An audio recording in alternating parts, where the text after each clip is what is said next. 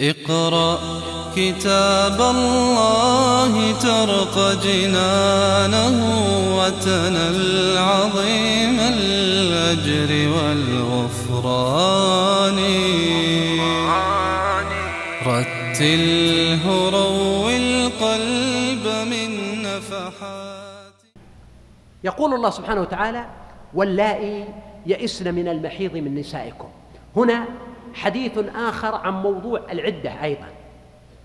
قال سبحانه اللائي يئسن من المحيض. المرأة اليائسة من المحيض هي المرأة الكبيرة التي توقف عنها الحيض وهذا قد يكون في سن الستين أو الخمس وخمسين كما قاله الفقهاء من الشافعية وغيرهم. والصواب أنه يختلف من مجتمع إلى آخر ومن بيئة إلى أخرى بل من عصر إلى عصر.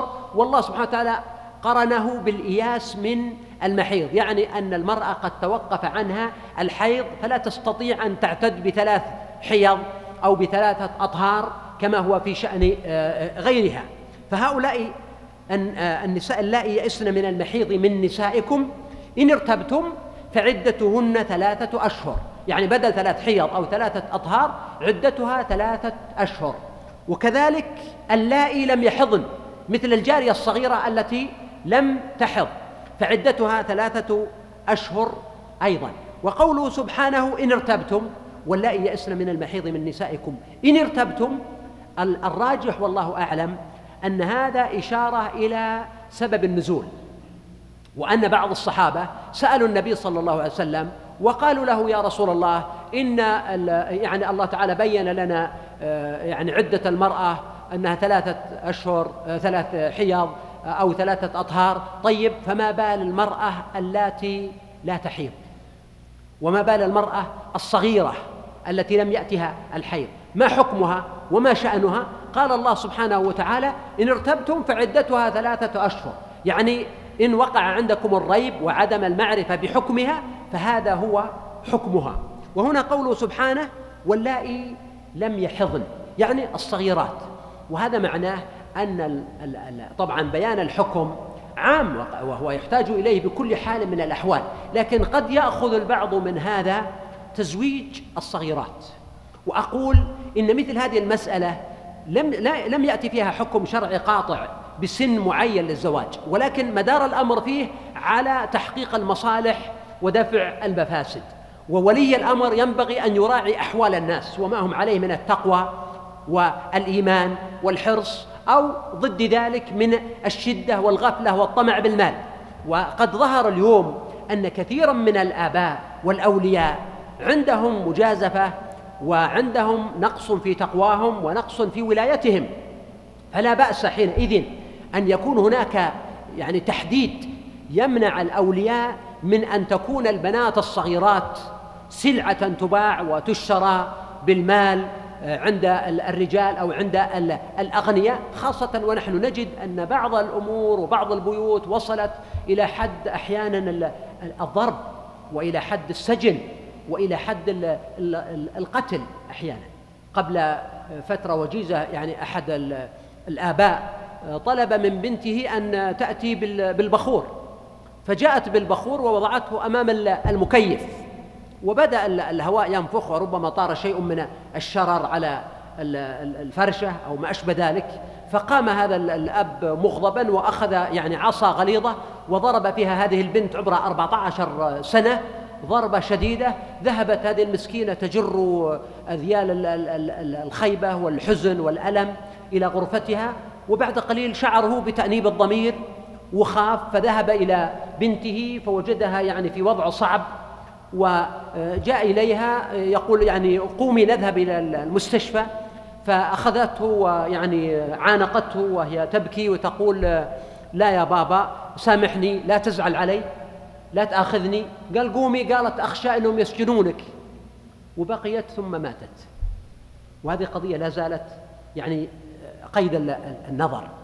ففي مثل هذه الأوضاع التي تقع فيها مثل هذه الأشياء الشنيعة لا يمنع ابدا أن يكون هناك ضبط لمثل هذه الأعمال لئلا تتحول الجارية الصغيرة وهي لا تستطيع أن تعبر عن نفسها ولا أن تحتج ولا أن ترفض في كثير من الحالات.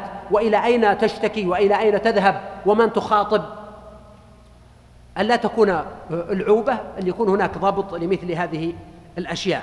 قال الله سبحانه وتعالى وأولاة الأحمال أجلهن أن يضعن حملهن.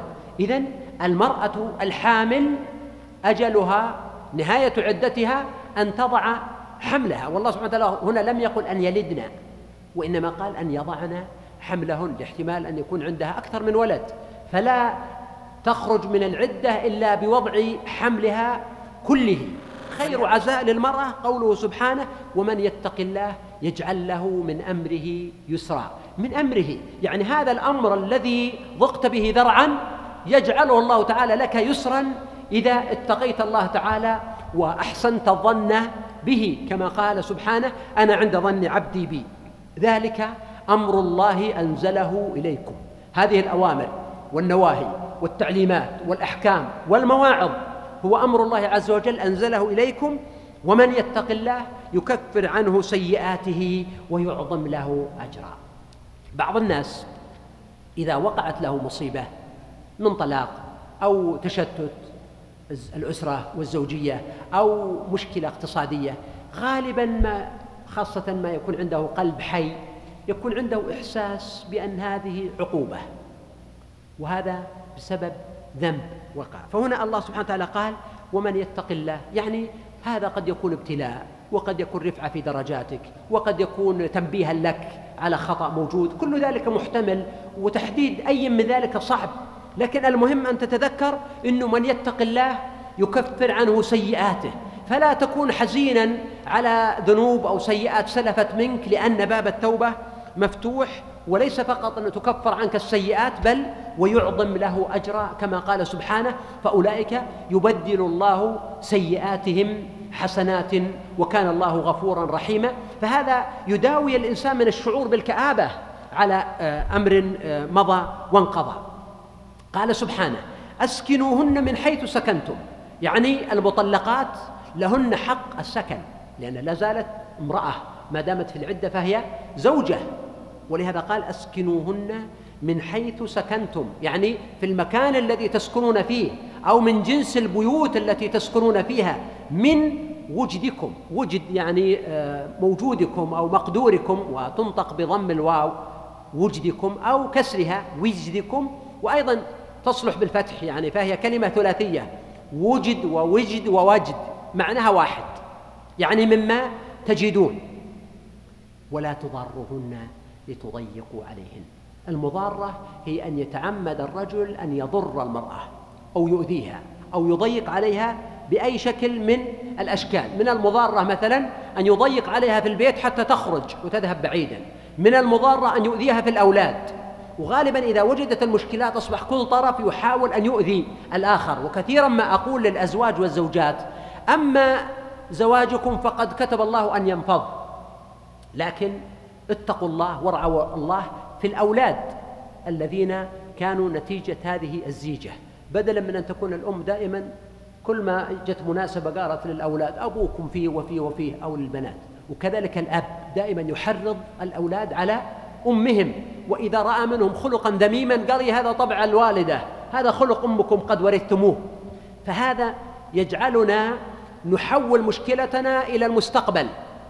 ويكون هؤلاء الأولاد في المستقبل يرثون عنا الاضطراب النفسي والتعقيد والمشكلات بسبب أننا لم نتق الله تعالى فيهم ولذلك قد يكون من الرزق وقد يكون من التقوى أن نراعي هذا الأمر. وقد وعدنا الله أشياء كثيرة جدا في المستقبل قد يكون منها الأولاد أن يكونوا صالحين أو أتقياء أو عظماء حتى في الدنيا. ممكن ولدك هذا يكون عظيما في منزلته في ماله في ترى في عبقريته في علمه وليا من أولياء الله سابقا من السابقين إلى الجنة. فتدخل أنت ببركته وسمعته ويحمل اسمك. فلان ابن فلان. هذا من من من من آثار التقوى التي تجعل الإنسان يراقب الله سبحانه وتعالى في مثل هذه المعاني. ولهذا قال ولا تضارهن لتضيقوا عليهن. وإن كن أولات حمل فأنفقوا عليهن حتى يضعن حملهن. وهنا لماذا ذكر الحامل على وجه الخصوص في النفقة؟ ذكر ذلك والله أعلم ليس لأن للحامل حكما خاصا ولكن لأن الحامل يطول وقت الحمل عندها قد تكون تسعة أشهر مثلا. فربما يستثقل بعض الأزواج النفقة عليها. وبين الله سبحانه وتعالى هنا ذكر الحامل حتى يبين الأجل الذي يستمر الإنفاق فيه أنه أنفقوا عليهن حتى يضعن حملهن. فتجب النفقة لها على أن الفقهاء مختلفون في ما إذا كانت المرأة المطلقة إذا كانت طلاقها بائنا يعني طلقة ثالثة ولا يمكن لها الرجعة. هل لها السكنة أو ليس لها السكنة؟ خلاف معروف. الجمهور أن لها السكنة والإمام أحمد ومن وافقه وهو قول لبعض الصحابة كعمر رضي الله عنه أنه ليس لها السكنة. قال فإن أرضعن لكم فآتوهن أجورهن. الآن عقدة الزوجية انتهت. بقي تنظيم الأمر ما بعد الطلاق.